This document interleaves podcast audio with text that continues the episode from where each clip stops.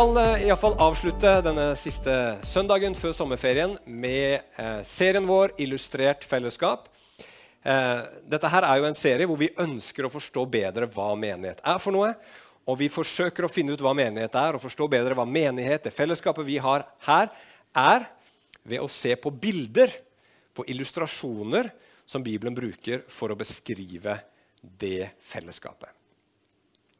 Og i dag så er planen å snakke om menigheten som Guds saueflokk. Guds flokk, hvor Jesus han er hyrden. Og Det er et bilde som ikke bare finner, befinner seg i Det nye testamentet, men også et bilde som befinner seg i Det gamle testamentet. Og Der blir kongene i Israel veldig ofte kalt for hyrder, og veldig ofte kalt for dårlige hyrder. Og så ser vi også at Gud selv kaller seg selv for Israels hyrde. Så kongene er hyrder, lederne i Israel var hyrder, men det var Gud selv som var overhyrden for sitt folk Israel. Og Det bildet der det går videre inn i Det nye testamentet, hvor Jesus er hyrden, og hvor vi som er de troende, vi er Guds flokk. Vi er sauer. ikke det er fint å høre? Skal vi si det høyt, alle sammen? Jeg er en sau. Nei, da, vi trenger ikke gjøre det. Men sau er jo et ganske beskrivende bilde for noe med oss mennesker. Nemlig at vi er relativt uvitende. Vi er eh, vesener med store behov, og vi trenger beskyttelse. Sånn er det for absolutt alle mennesker. Og sånn er det for oss og for hver enkelt som sitter her inne. Og Derfor så trenger vi Jesus. Og Vi skal få høre i dag tre ting om Jesus. For det første at Jesus han leder sin flokk, skal vi snakke om. Og at Jesus han gir næring til sin flokk.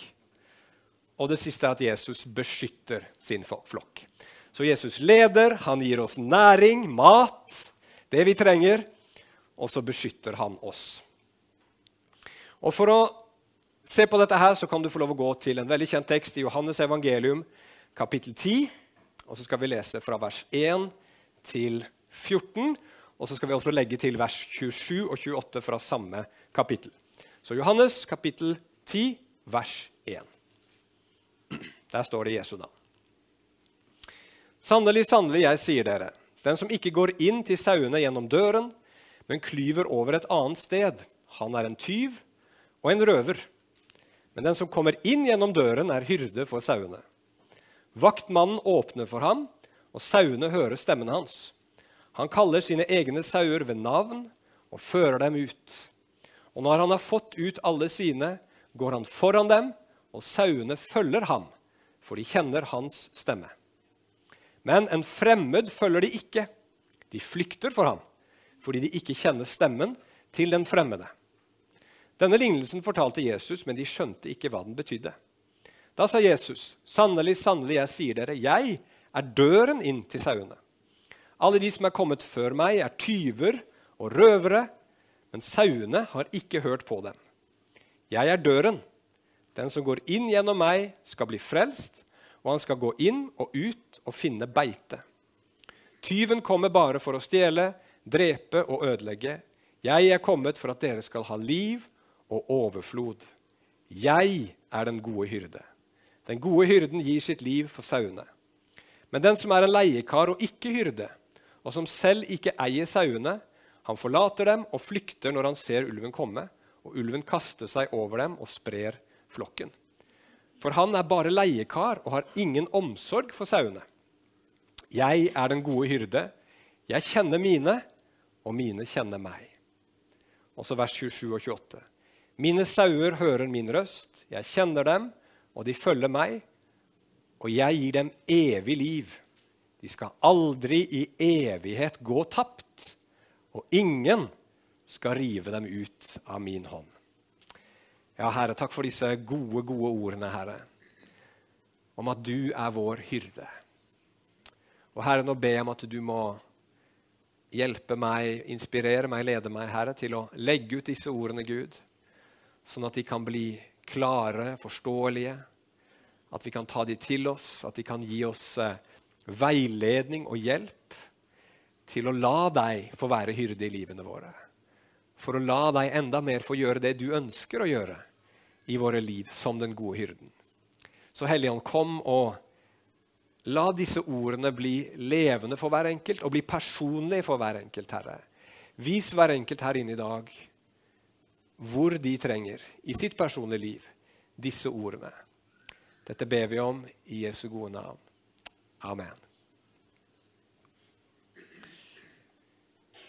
Så Det første punktet mitt er at Jesus leder sin flokk. Eh, for mange mange, mange år siden så var jeg på leirskole. Jeg har en del gode og dårlige minner fra det. Men et litt morsomt minne som jeg har, det var at vi skulle hjem fra leirskolen, som lå oppe på en eh, fjelltopp, og kjøre ned i dalen langs en sånn svingete vei. Og Som det ofte er oppe i fjellet, så er det sauer som går på beite.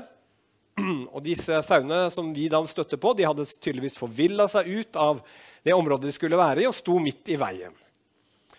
Så kommer bussen der, nærmer seg sakte disse sauene, og de står der og de breker og de ser litt sånn uforstående på bussen. Sikkert andre som har vært inne i den situasjonen før. Og Så tuter man litt, prøver å lage litt sånn lyder og bråk. og sånt. De sauene skal forstå at de må liksom springe av veien. Men det disse sauene gjør, det er at de begynner å løpe nedover veien.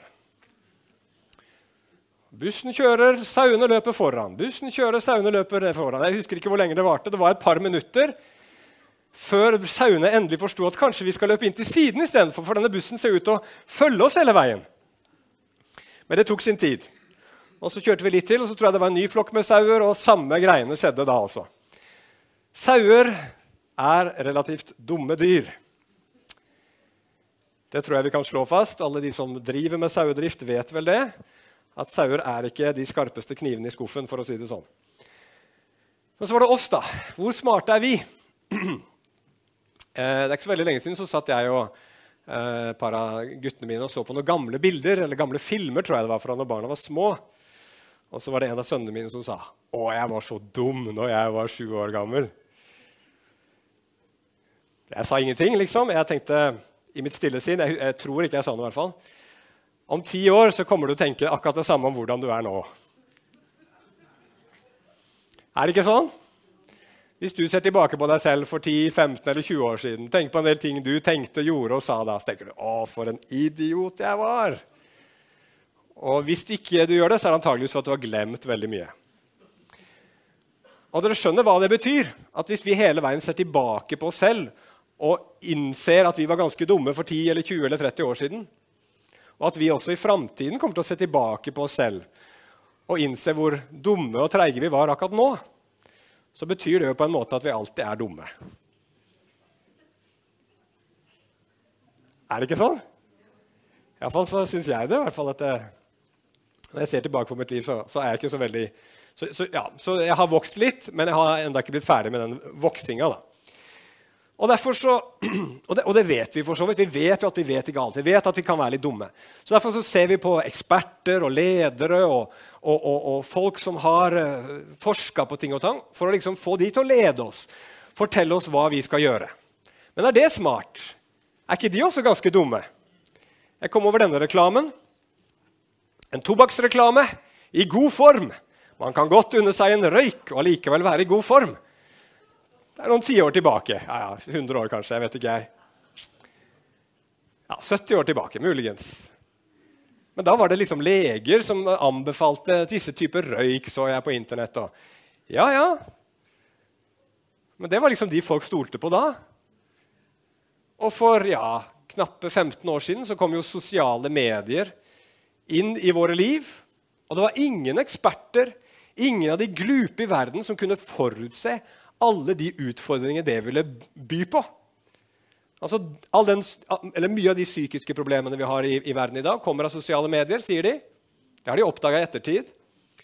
Og mye av den polariseringa som finnes i samfunnet i dag også, spesielt i USA, kommer nettopp fra sosiale medier. Så vi mennesker vi er sånn at vi mangler kunnskap. Vi mangler visdom. Vi glemmer så lett. Vi ser ikke klart. Og hvordan i all verden skal vi da klare å ta gode valg? Når situasjonen er sånn. Og da kommer Jesus, og så sier han, 'Jeg er den gode hyrde.' Følg meg, så går du rett. Følg meg, så tar du gode valg. Og Det forteller oss litt om hva det er å være en kristen. En kristen det er en som følger Jesus. Og Det sier litt om hva det er å være en menighet òg. Det er et fellesskap som sammen har blitt enige om at vi skal følge Jesus. Jesus skal være vår hyrde, Jesus skal være vår ledestjerne. Og I 1. Peter kapittel 2, vers 25 så snakker Peter nettopp om, nettopp om dette her. Han sier dere var lik sauer som hadde gått seg vill, men nå har dere vendt om til ham som er hyrde og tilsynsmann for deres sjeler. Så det å gjøre Jesus til sin hyrde, det kaller Bibelen for å vende om. Det er å innse at jeg kan ikke styre, lede dette livet her selv. Jeg vet ikke hva som er godt for meg. Jeg trenger en annen. Og så vender vi om til Jesus, og så gjør vi han til vår hyrde. Og Jesus snakka om å høre hans røst. Mine får høre min røst, eller mine sauer høre min røst. Og hva handler det om? Jo, Når vi følger Jesus, så kan vi godt følge Jesus som et eksempel. Vi ser på hans liv, og, og så tenker vi WWJD. ikke sant? What would Jesus do? Og så prøver vi å gjøre det samme som han. Så Det er en del av det å følge Jesus. Men her er det en annen side ved det å følge Jesus. Nemlig å høre hva Jesus sier at vi skal gjøre. Lytte til hans røst og lyde han. Det er det å være en kristen. Og skal du gjøre det, skal du få til det, så må du bli en sau som tilhører Jesus. Mine sauer, sier Jesus. Og hvordan blir du en av Jesus sine sauer? Og Her er det litt forvirrende, for Jesus snakker om denne hyrden som går inn gjennom døren, og så kaller han på sauene, og de følger etter han. ikke sant? Det er et bilde på Jesus. Men så sier Jesus plutselig men jeg er også døren. Og den som går gjennom meg, inn gjennom meg, han kommer liksom inn i saueinnhegningen. Og det er to forskjellige bilder som vi bare må skille fra hverandre. for Hvis Jesus er hyrden som går gjennom døren, og han sjøl er døren, så får vi litt problemer. ikke sant? Men Poenget er bare at det er, det er to bilder her. Så Det ene bildet sier at når du kommer til Jesus, tror på han, da kommer du inn i innhegningen hans, da kommer du inn i hans flokk, da blir du en del av hans folk, og da blir du født på nytt. Da får du et nytt hjerte som er i stand til å høre Jesus stemme og har lyst til å lyde og følge Jesus. For du har skjønt hvem Jesus er. Og så begynner du å følge ham. Så går du etter Jesus. Og hvor hører vi Jesus sin stemme, da? Det sikreste og tryggeste svaret på det er så klart Bibelen. Dette er Guds ord, står det. Det kunne også stått Jesus' stemme. For den lyder her i denne boka her. Gud taler til oss gjennom Hans ord. Og det er det som er rettesnoren, det er det som er vateret vi bruker for å måle andre ting som blir sagt i Guds navn, om det også kommer ifra Gud. Om noen kommer med en profeti, eller om du kjenner at du får et ord ifra Gud, så må du hele veien måle det opp imot Guds ord i Bibelen. Og når du er født på nytt, når du har blitt en sau av Jesus, så følger du Jesus uansett. Om det koster noe eller ikke. For du vet at det er Jesus sin stemme. Du kjenner den igjen. Men nettopp fordi Jesus sier her at det, det fins andre stemmer også. Han snakker her om tyver og røvere som også kommer og prøver å få flokken til å følge med. Så er det sånn at Jesus, som er overhyrden, han har noen som er underhyrder, som taler på hans vegne. Og Blant dem så kan det finnes gode hyrder, og det kan finnes gode, eh, dårlige hyrder. Så hvordan kjenner du igjen en god hyrde fra en dårlig hyrde? En leder i Guds rike er en hyrde. En som stiller seg fram sånn som jeg gjør nå for å tale Guds ord til dere, er en hyrde. Ikke hyrden, men en underhyrde under han som Peter kaller for overhyrden. Så hvordan kan du skille en god hyrde fra en dårlig hyrde? Jo, det er ganske enkelt. En god hyrde sier det som Jesus sier. En god hyrde taler som Guds ord. Nå er det ingen hyrde som er 100 fullkommen i det, men sånn i det store og det hele så vil du høre hans stemme fra en god hyrde som er nøye på å si det som Bibelen sier. En dårlig hyrde derimot vil gjøre én av to ting. Enten så trekker de fra, sier at nei, det som står her, det trenger vi ikke ta så alvorlig. Eh, vi lever tross alt i 2023, eller et eller annet sånt. Argumenter som du kan høre i dag. Eller at man legger til. Ja, ja, Gud har sagt det, men vi må også gjøre ditt, og vi må også gjøre datt. Fariseerne på Jesus sin tid var et godt eksempel på det. De la til masse ekstra regler, og som ikke Jesus hadde sagt. Da er man heller ikke en god hyrde. Så en god hyrde sier ikke du kan ikke bruke saks på søndag, for å ta et helt banalt eksempel. For det står ikke i Bibelen. Det står ikke i Bibelen. Ok.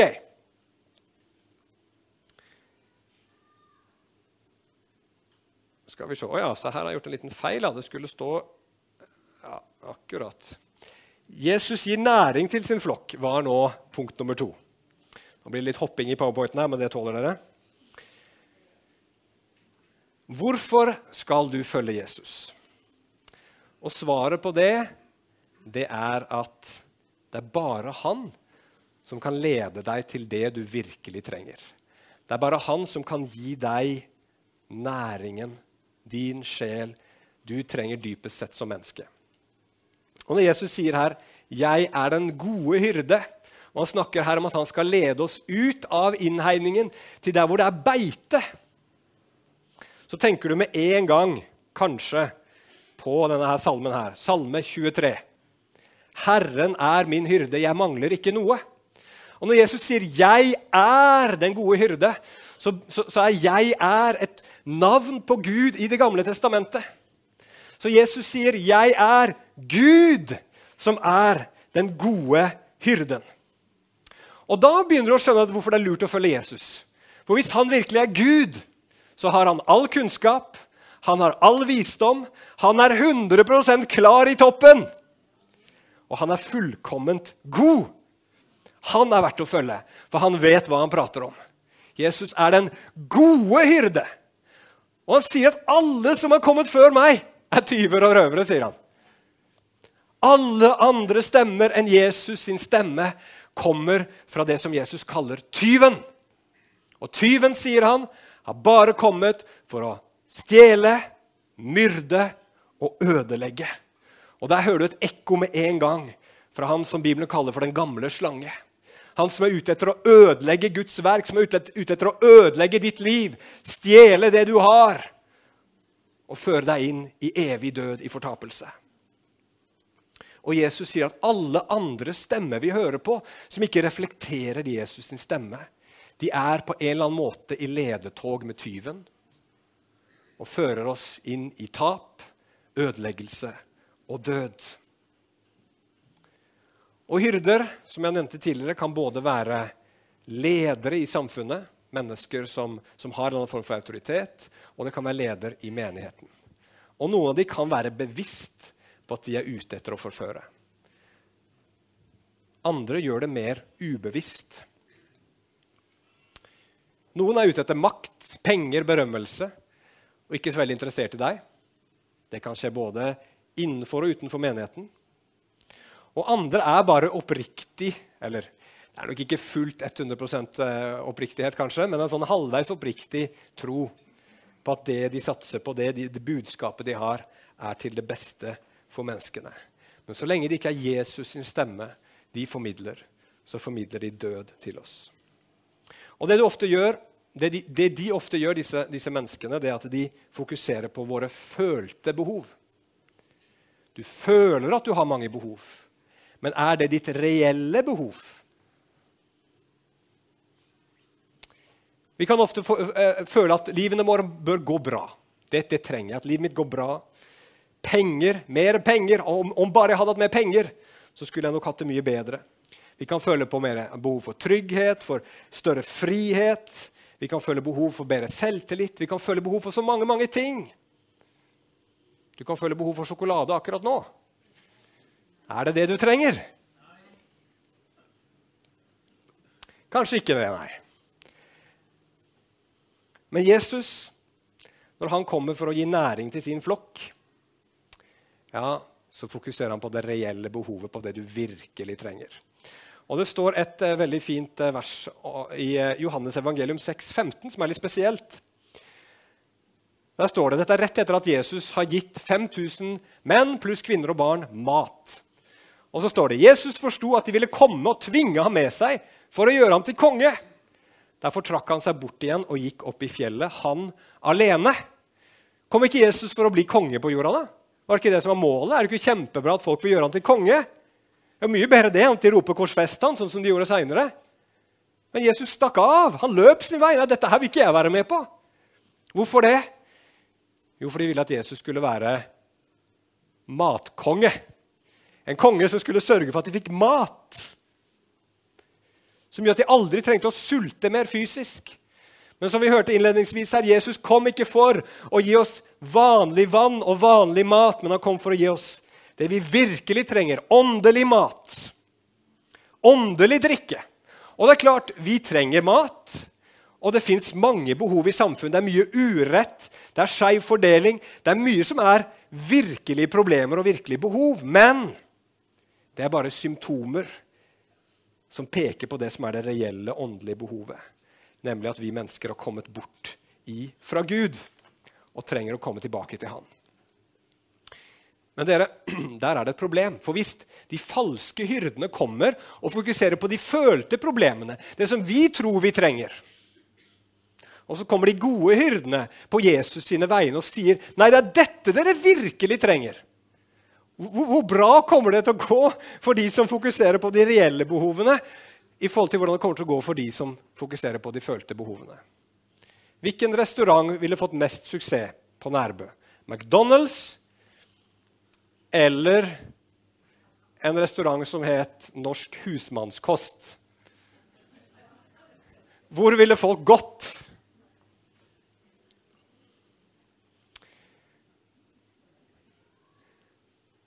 Herren er min hyrde, jeg mangler ikke noe.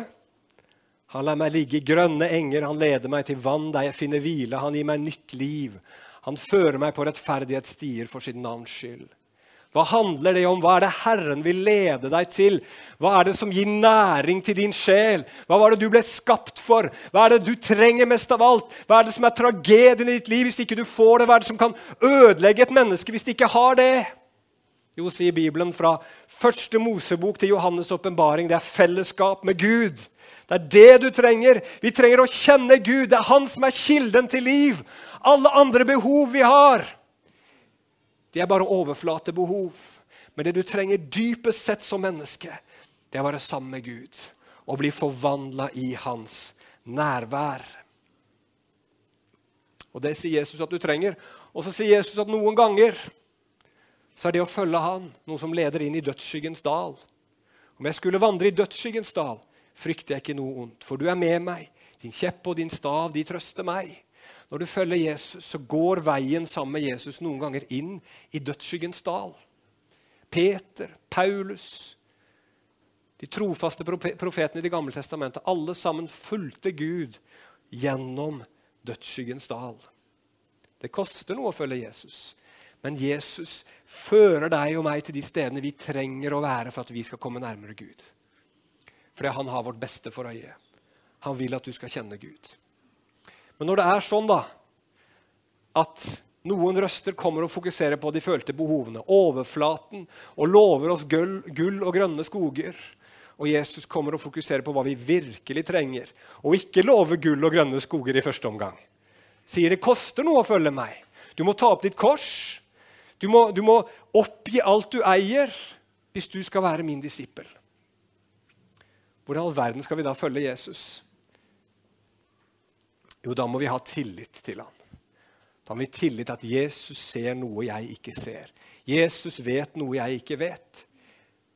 Og så er det jo fantastisk med Jesus. da. Han er en god hyrde. og han Underveis, når du fokuserer på det som han vil du skal fokusere på, så ser du at de andre behovene også faller på plass, og han møter de. Men hvis du fokuserer på det du føler at du trenger, så går du vill. Hvis du føler på det Jesus sier at du trenger, nemlig å følge han, komme til Gud, da får du alt det andre i tillegg.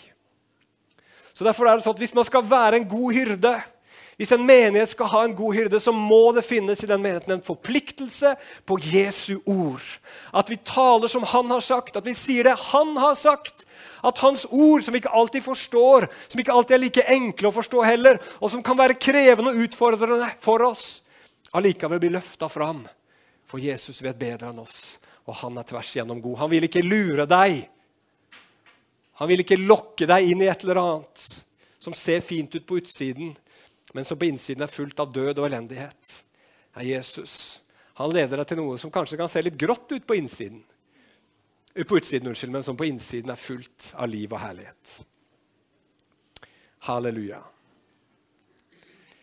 Og Siste punktet mitt Jesus beskytter sin flokk. For Jesus han er virkelig annerledes. Og Det er veldig masse i den teksten vi har sett på. Jeg kan ikke ta opp alt det, men, men legg merke til det her. Jesus sier at han er den gode hyrde, og den gode hyrde gir sitt liv for sauene. Kjenner du noen sånne gjetere, saueeiere, som ville gitt livet sitt for flokken sin? Altså Man gjør jo alt man kan for å beskytte flokken sin når man er sauer. Og man, man uh, kjemper sikkert mot både ulv og bjørn og alt mulig. Men når alt kommer til alt, har du sauer, så er jo målet at du til slutt skal slakte de, er det ikke det?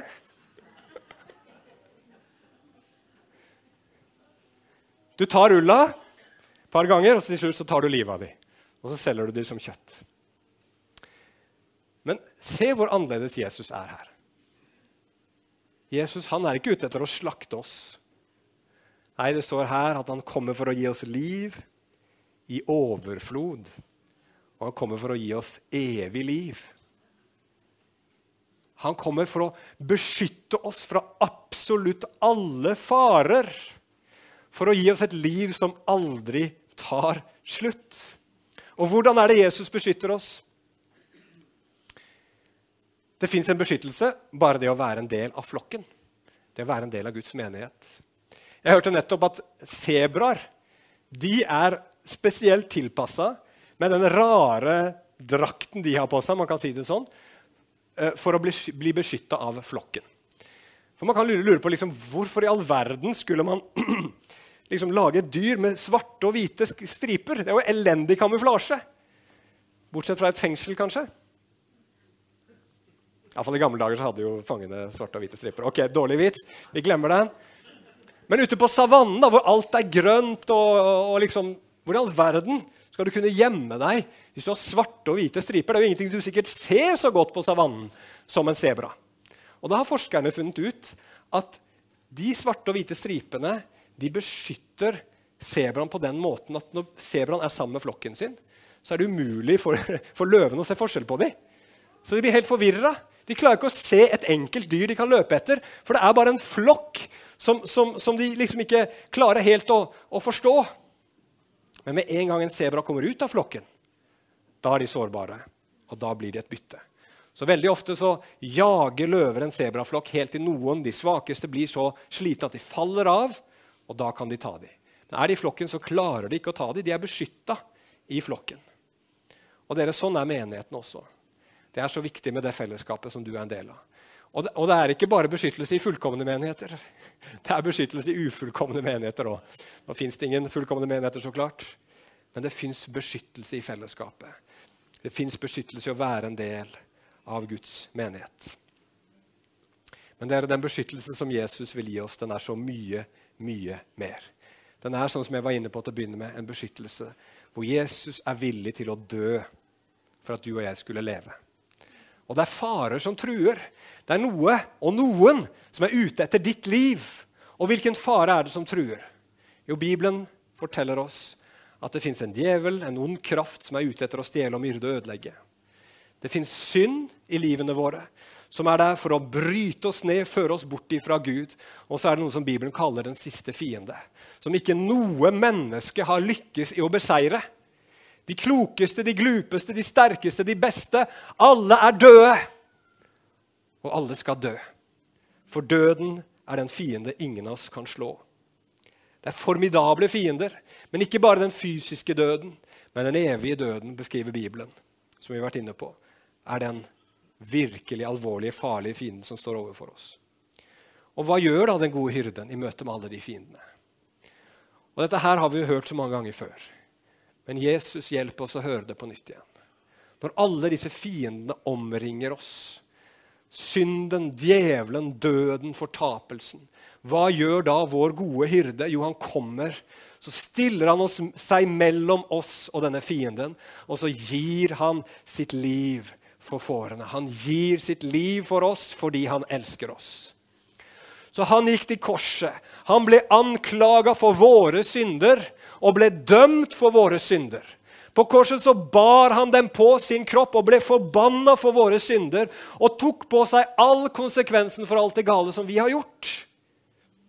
Tenk på det. Han ble gjort i synd, sier Bibelen. Han ble gjort til en forbannelse.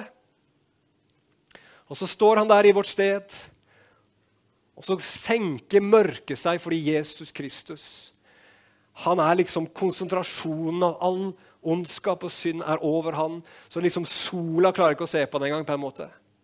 Så mørkt er det der hvor Jesus er. Og til slutt så roper han ut i sin nød, 'Min Gud, min Gud, hvorfor har du forlatt meg?' Der smaker Jesus døden for oss alle. Han dør fysisk ikke lenge etterpå, men der så dør Jesus på den måten at han erfarer fortapelse for oss. Jesus beskytter oss ved å være et skjold. Og dette et skjold det beskytter deg ved å ta på seg det som ellers ville ramma deg. Og da trenger du et godt skjold. Jo bedre skjoldet er, jo mer beskytta er du. Og er det skjoldet vi har. Jesus Kristus. Han er det mest solide skjoldet som finnes. Han kan ta alt, og ingenting knekker han. Han døde, ja, men han sto opp igjen. Han vant. Det er et skjold som 100% kan beskytte oss. Hvorfor skal du følge Jesus? Du skal følge Jesus fordi han er verdt å følge. Ingen annen røst, ingen annen person, ingen annen som vil at du skal gjøre vedkommende til den, din hyrde, elsker deg sånn som Jesus. Han elsker deg helt til døden. Og Jesus han viser oss på korset at det er ikke våre følte problem som er problemet vårt. Men det er noe mye dypere enn det. Vi korsfesta den gode og rettferdige. Jesus, fullkomment god, kom inn i verden, og hva gjør vi med han? Jo, vi korsfester han. Det forteller noe om hva vårt problem virkelig er. Det er ikke alle tingene rundt oss, men det er sånn som jeg sa forrige søndag, det er hjertene våre som er problemet. Vi følger Jesus fordi at hans oppstandelse viser oss at han er til å stole på. Og det han gjorde, det virka. Synden førte til død. Jesus' seier på korset førte til, førte til liv. Og han sto opp igjen og beviste nettopp det. Døden er beseira. Fortapelsen er beseira. All ondskap er beseira. Og da kan vi være trygge. Og dette viser oss en som er mye visere og mye smartere enn oss alle sammen. Alle mennesker så på Jesus og så en taper. Han der, han har tapt. Han har ikke fått det til. Han har ikke vunnet på noen som helst måte. Men Jesus visste at på det korset der så vant han en større seier enn noen i noen gang i historien har vunnet. Han vant en fullstendig seier, og han vant en evig seier. Jesus er så vis at han kan seire over døden gjennom døden. Amen. Så det er spørsmålet til oss alle sammen. Har du tillit til Jesus som din hyrde? Vil du følge Jesus og ingen andre? Vil du gjøre han til den eneste som har din fullstendige lojalitet? Og vil du være med i hans ufullkomne flokk og følge Jesus sammen med dem? Det er den utfordringa som dette bildet gir oss. Dette er det kallet som går til oss alle sammen. Og Jesus han er ikke halvveis. Du kan ikke ha litt Jesus som din hyrde og litt en annen hyrde. Nei, det er enten Jesus eller ingenting. Der er Jesus klar og tydelig. For hvis du følger Jesus litt, og så følger du en annen en annen gang, så følger du ikke Jesus i det hele tatt. Da er det du sjøl som er sjefen i ditt liv. Men hvis du følger Jesus gjennom tykt og tynt, da er det Jesus som er hyrden, da er det Jesus som er Herren. Og da lover han deg at den veien som han fører deg på, det kan bli tøft, det kan bli krevende, det kan være oppturer, det kan være nedturer. Det blir velsignelser, men det blir også tøffe tak. Men han lover deg at den veien, den fører til livet. Den veien, den fører fram. Den veien, det er den eneste gode veien å gå på. Det er livets vei. Halleluja. Så den utfordringa går ut til oss igjen. Mange her har tatt det valget. Men du, vi trenger å ta det igjen. Vi trenger å bestemme oss igjen. Vi trenger å bli minna på det igjen. Og vi, bestemmer, vi, trenger å gjøre Jesus til vår hyrde og til vår Herre hver eneste dag. Halleluja. Så la oss ta dette valget sammen i dag i Jesu navn. La oss be. Halleluja. Og takk, Jesus. Takk, Jesus, at du har åpenbart deg igjen, Jesus, som vår gode hyrde. Og tilgi oss, Herre, for at vi noen ganger er som disse villfarende sauene. Som farer hit og dit, som fyker vekk, Herre, og roter det til for oss selv. Men takk at du er den gode hyrden som ikke bare viser oss veien, men du går av veien for å hente oss tilbake igjen på veien når vi roter det til. Herre, det fins ingen hyrde som deg som legger ned ditt liv for oss, som gir alt for å beskytte oss fra det som, som er de farene som kan ramme oss. Herre, vi priser og ærer og lover deg for det. Og vi bestemmer i våre hjerter at vi vil følge deg, Jesus, gjennom tykt og tynt. Amen. Amen.